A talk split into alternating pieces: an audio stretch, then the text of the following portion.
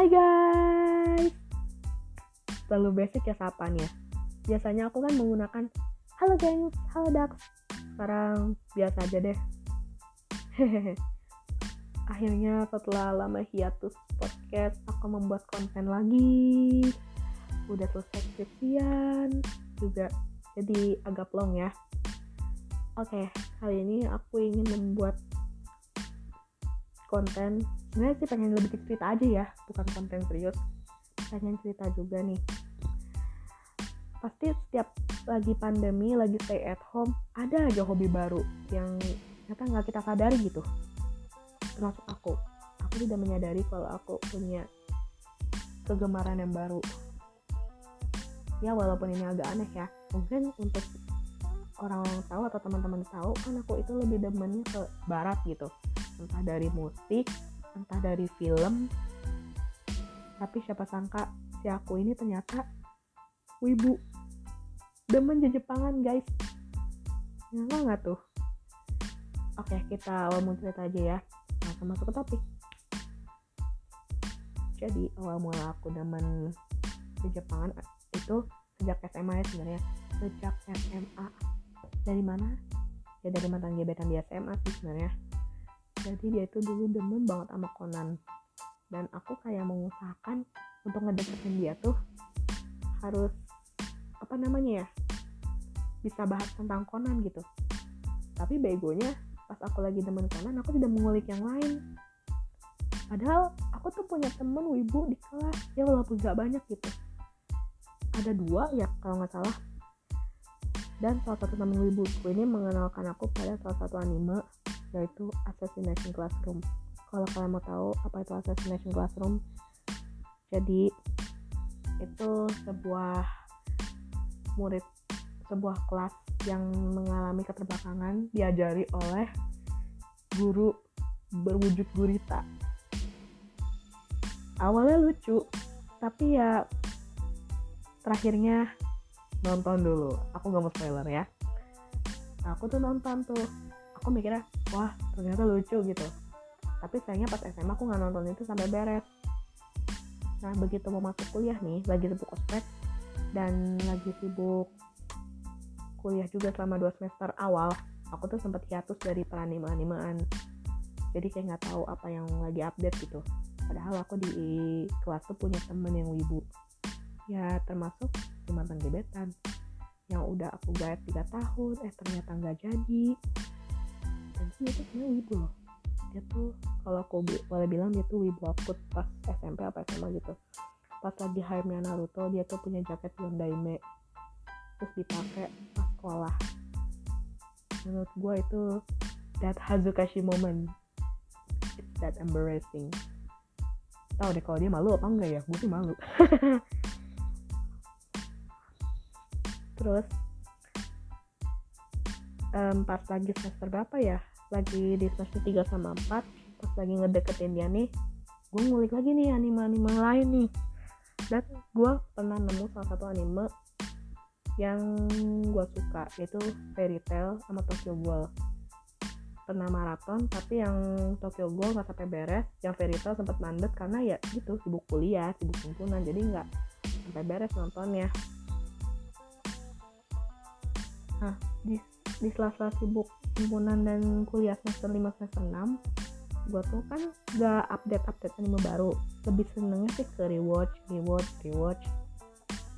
Nah begitu masuk pandemi nih pas lagi corona kan gue punya tiktok nih. Dan di tiktok tuh gak sengaja FYP gue tuh ada apa ya cerita di mana Naruto mau mati di Boruto chapter berapa gitu lupa gue gue like terus tuh. Lama-lama FYP gue isinya peraniman semua. Dan itu lama-lama jadi gue suka gue tertarik. Akhirnya pas lagi bulan Oktober 2020 gue resmi menjadi wibu. Walaupun gue bukan wibu yang gak inget mandi gitu. Gue masih inget mandi tenang aja guys.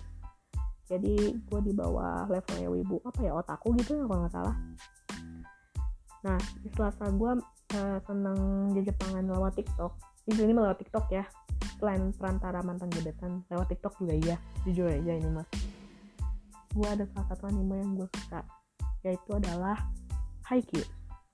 Nah kalau kalian mau tahu Haikyuu itu apa dia tuh anime genre sport lebih ke bola voli ya. Bola voli anak SMA nah terus sebenarnya nonton Haikyuu itu dari 2018 sampai 2019 ya awalnya gue ngerasa kayak ah bakal bosan nih nonton nih. Karena pasti bakal mau nonton ceritanya. Kayak gak ada yang menarik gitu. Awalnya gue cuma nonton kayak Hinata Kageyama Hinata Kageyama. Mama ngebosenin. Eh pas 2020 gue nonton dari episode awal sampai beres ternyata rame banget. Sampai gue nonton pertandingan yang bener-bener ekstrim tuh kayak tegang banget. Sampai mau gue kayak itu kamu anime doang kok tegang sih dan percaya nggak percaya kalau kalian nonton Haikyuu kalian nggak akan setia ke satu husku pasti oleng jujur aja ya. Gue nonton Haikyuu gue awalnya first love-nya Kageyama Tobio. Lama-lama oleng oleng oleng. Dari Kageyama Tsukishima Tsukishima Daichi dari Daichi Kuro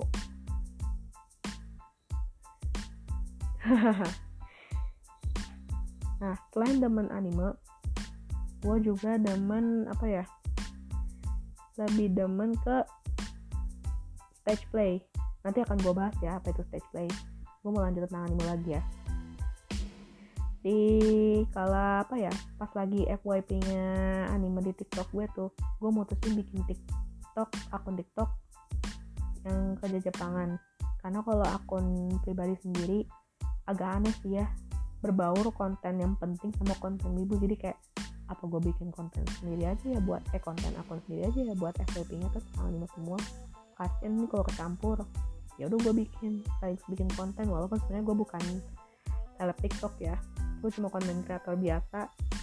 Kalaupun ada tren yang tentang wibu kadang ngikutin kadang enggak gitu. Gue emang lebih kebiasa aja karena kan di usia gue yang 22 menuju 23 ya pada waktu itu. Kayak kadang aneh gitu mau ngikutin tren ini tapi di gua di guanya nggak cocok. Dan pas lagi FYP gue TikTok semua gue ngikutin Attack on Titan terus ngikutin Demon Slayer dan sampai ngikutin anime Shonen Ai Boys Love yang enggak nggak tuh? Kayak Given mungkin kalian kalian nggak tahu Given itu kan emang genrenya Shonen Ai atau Boys Love dan dia tuh emang lebih ke musik gitu. Dan dia gimana ya kayak shonen ai tuh nggak lebay yang sampai ada desa-desanya enggak. Kalau yang Yarichin jujur nih gue nonton Yarichin yang dua episode. Dan gue ngerasa kayak kayak aneh gitu nonton itu. Karena gue yang lihat yang normally melihat cowok yang agak gagah tiba-tiba melihat yang kayak gitu-gitu jadi kayak aku shock guys. Kayak ya Allah dalam satu sekolah itu kayak bener-bener banyak orang aneh. Sampai gue nyanyiin lagunya Sawara Tenai Kimi wa Nano. Dan gara-gara gue jadi ibu juga kadang kalau di tiktok nemu kode-kode gue buka lewat telegram gue baca dojinnya. Astagfirullah. Tobat ya Allah. Sekarang karena botnya banyak yang di blok jadi ya bisa meminimalisir juga dan juga bisa tobat sih. Astagfirullah jadi ngumbar cerita kan. Ya intinya mah sama di tiktok FYP nya anime itu gue ikutin. Sekarang tuh ya di tahun ini setelah gue lulus gue Tokyo Revenger. Mungkin kalau kalian yang nggak tahu Tokyo Revenger itu apa. Itu kan anime tentang tawuran dan gue gue emang kurang cocok sama genrenya gitu. Tapi gue berusaha nekat nyoba karena rame. Awalnya gue nonton episode satu kayak ih apa sih ini berantem berantem gak jelas banget gitu. Terus banyak bonyok bonyokannya gitu.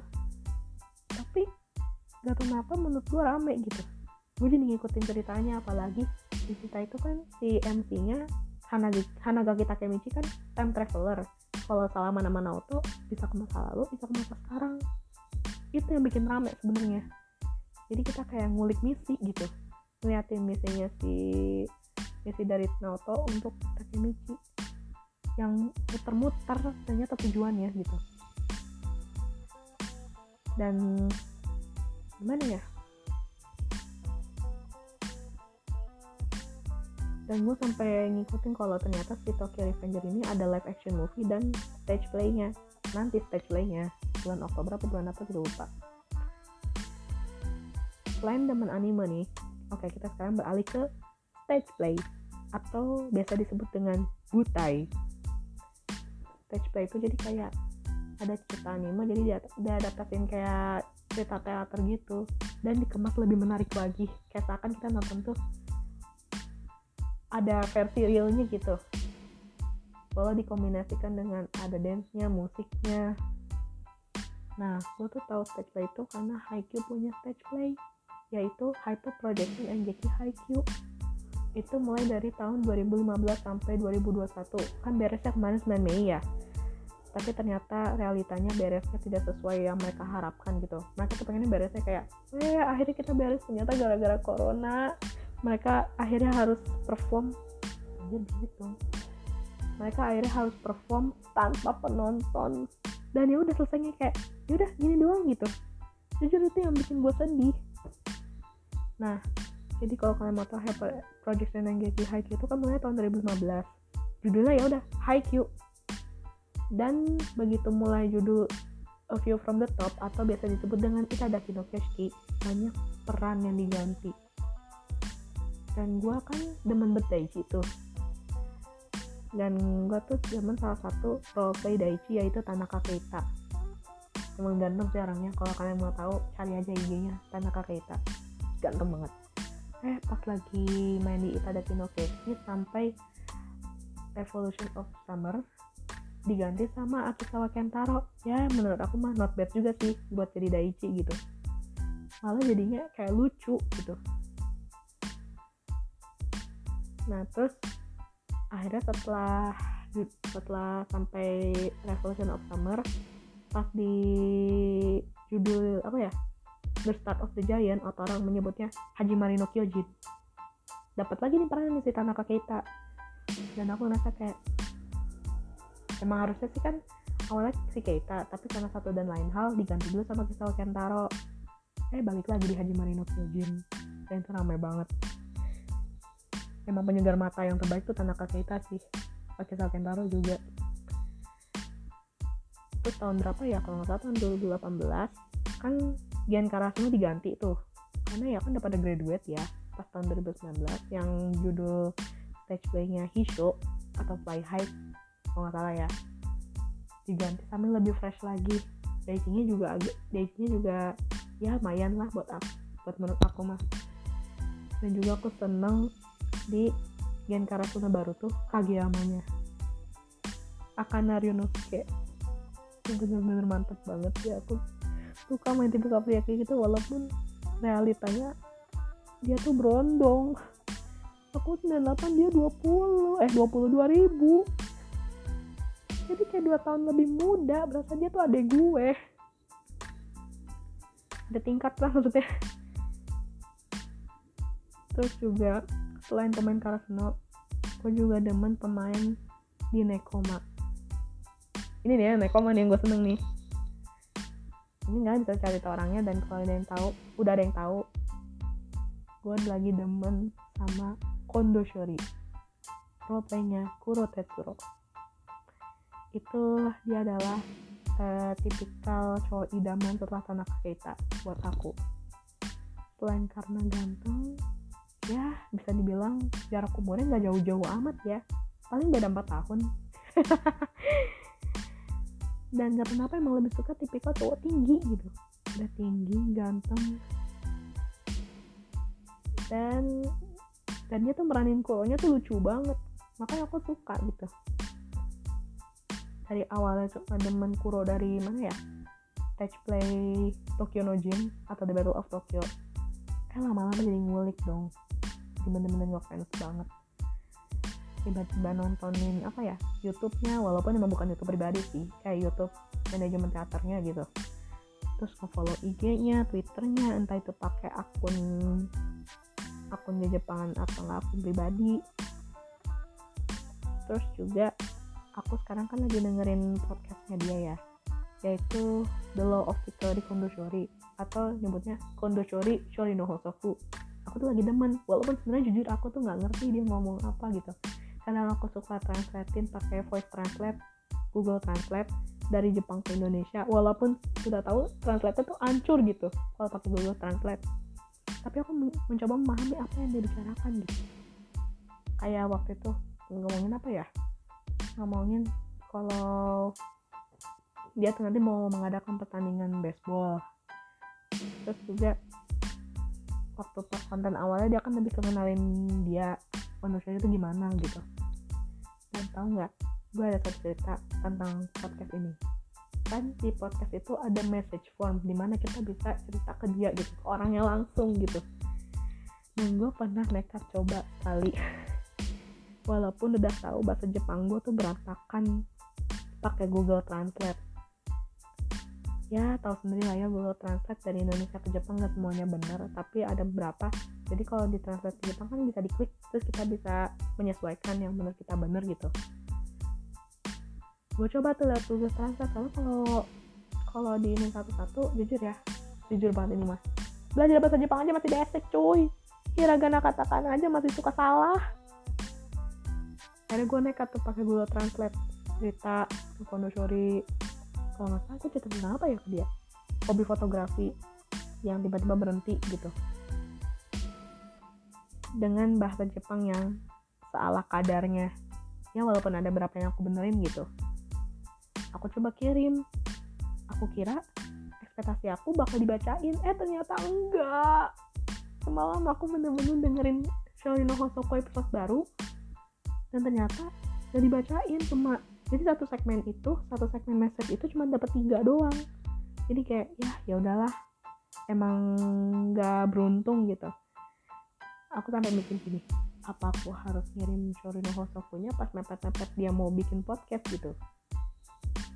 Ini bener-bener ngakak sih bener ini mah beneran ngakak pas aku bikin ini ya. Pas aku nulis Shorino Hosoku sampai mikir panjang kirim gak ya? Kirim gak ya? Kirim gak ya? Eh keburu time out dong akhirnya bikin ulang isi data ulang ke submit. Eh nggak dibaca. Gak apa-apa. Ya maklum fansnya dia banyak banget. Selain jadi yang gue tau dari Kondusori kan dia kan selain meranin Kuro dia tuh kan meran, pernah meranin di Token Ranbu. Mungkin yang pernah suka Token Ranbu yang suka nonton ya. Kan ada yang stage baru dia tuh yang apa ya yang token album dan Osaka Nojin kalau salah. Tolong koreksi ya kalau misalkan salah. Intinya dia berperan sebagai Ochidori Jumonji jujur gue pengen banget nonton itu. Tapi sayangnya Aing masih pengangguran belum punya duit. Jadi ya ya udah. Hanya bisa menonton cutscene openingnya doang lewat bili-bili. Tapi nggak apa-apa. Um, ya namanya juga berusaha untuk mencoba nonton secara legal walaupun tahu nggak punya duit. Mungkin nanti kalau dia bikin eh bikin main play lagi kalau aku punya duit aku usahain nonton secara legalnya gitu. Karena yang kalau lewat Tumblr atau lewat ini ya lewat Bilibili karena aku mikir gue pengen nonton legal pengen gitu. Cuma ya okanenya oh gak ada duit karena aku tuh baru lulus aja. Masih butuh waktu nganggur dulu karena capek gitu. Walaupun sebenarnya jujur aja ya harus disuruh kerja. Ya segitulah curahan curahan curahan intinya sekarang aku sekarang lagi dem masih demen Jepangan. Ya walaupun ada berapa temen juga sih yang aneh gitu kayak kok lu sekarang lagi demen Jepangan sih ul? Kan itu ibu bau bawang apa gimana? Gue gak peduli gue gak peduli mau dibilang bau bawang apa gimana. Yang jelas kita buktiin aja. Kalau kita temen di Jepangan jadi jadi yang agak beda dikit kayak gitu. Gak semua wibu tuh harus yang pasaran gitu. Uh, stylenya yang harus kacamataan terus kayak, kayak agak gimana gitu. Kadang gue pengen gitu mematahkan statement kayak wibu tuh semuanya sama mukanya pikir kita kakek buncin? Enggak. Gue gak kakek buncin sama wibu. Terus yang kadang bikin gue resah adalah yang bilang bau bawang karena nggak mandi. Gue masih inget mandi. Dan teman-teman circle gue pada aneh begitu gue tahu demen Jepangan tapi menurut gue ini normal karena itu buat menaikkan mood gue gitu apalagi lagi pandemi gini apa namanya ya? Lagi pandemi gini kan harus menjaga imun menaikkan imun. Masa kita stres mulu sih? Ya cari hobi lain lah kayak gue dia menjadi pangan menjadi hobi baru. Dan kalau kalian mau tahu melalui hobi gue wibu gue jadi ada minat belajar bahasa Jepang. Sampai nyari webinar Jepang. Ya walaupun pernah gitu udah mau daftar webinar eh tau taunya ya ada berapa yang gak bisa gue lakuin persyaratannya. Jadi gue mundur. Dan sekarang gue juga lagi giat-giatnya lagi lewat Duolingo walaupun emang masih campur-campur bahasanya ya. Kadang pengen belajar bahasa Jepang belajar bahasa Jerman Korea. Ya bisa dibilang gue adalah anak bahasa yang melipir sebentar ke Tekpen dibilang salah jurusan juga kayak nggak begitu salah banget tapi rasa kayak apa gue bener nih di jalan Tekpen tapi kayak otak pik hati dan pikiran tuh bahasa karena gue dengernya bahasa gitu. Ya ini ya gitulah gue punya manfaat ya eh bukan manfaat nilai plus yang banyak selama gue demen di Jepang aja. Gue jadi ada minat ke Jepang minat belajar bahasa Jepang. Ya juga ada minat S2 di sana juga walaupun ya nggak tahu juga sih S2 pendidikan di sana banyak apa enggak ya? Maksudnya gue pernah nemu beasiswa S2 bukan beasiswa kayak uh, program studi pendidikan S2 Jepang tuh gue tanya cuma di Chiba doang. Nggak tahu kok yang lain. Kalaupun emang mau di Tokyo di Tokyo di Osaka nggak ada yang pendidikan. Jadi gue harus ke Chiba gitu. Sebenarnya ya kalau gue pengen apa ya kalau disuruh milih gue ke mana ke Jepang Osaka.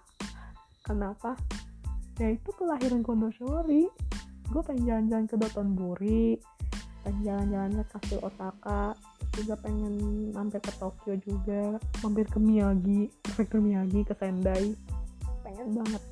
Sampai mau gue bilang gini ya sih kayaknya kamu lebih cocok ke Jepang gitu. Apalagi apa ya kalau boleh jujur Jepang lebih gampang nyari makanan halal ya dan gue suka di Jepang itu kan Jepang kan banyak sushi ya. Ya walaupun kita nggak tahu ya sushinya itu udah mirin apa sudah pakai apa ya bukan pakai um, mengandung babi. Tapi juga pengen banget nyoba sushi. Kalau kalau misalkan ke Jepang tuh pokoknya nyoba segala street food Jepang pengen banget. Dan juga gue pengen kalau ke Jepang tuh ke tempat di mana emang itu surga wibu surga anime. Kayak Akihabara. Pengen banget sumpah. Ya intinya setiap orang mah punya impian lah ya. Termasuk aku. Walaupun impiannya agak aneh gitu. Udah jadi wibu pengen mampir ke Osaka. Tapi ini aku serius.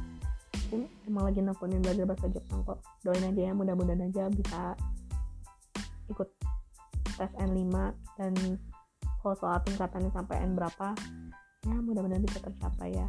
Karena aku juga pengen gitu. Uh, punya cita-cita juga. Kita dapat kerja di Jepang bisa lanjut S2 di Jepang. Yang penting di Jepang. Ya dah. Sekian podcast aku kali ini. Terima kasih sudah mau mendengarkan beberapa cerita aku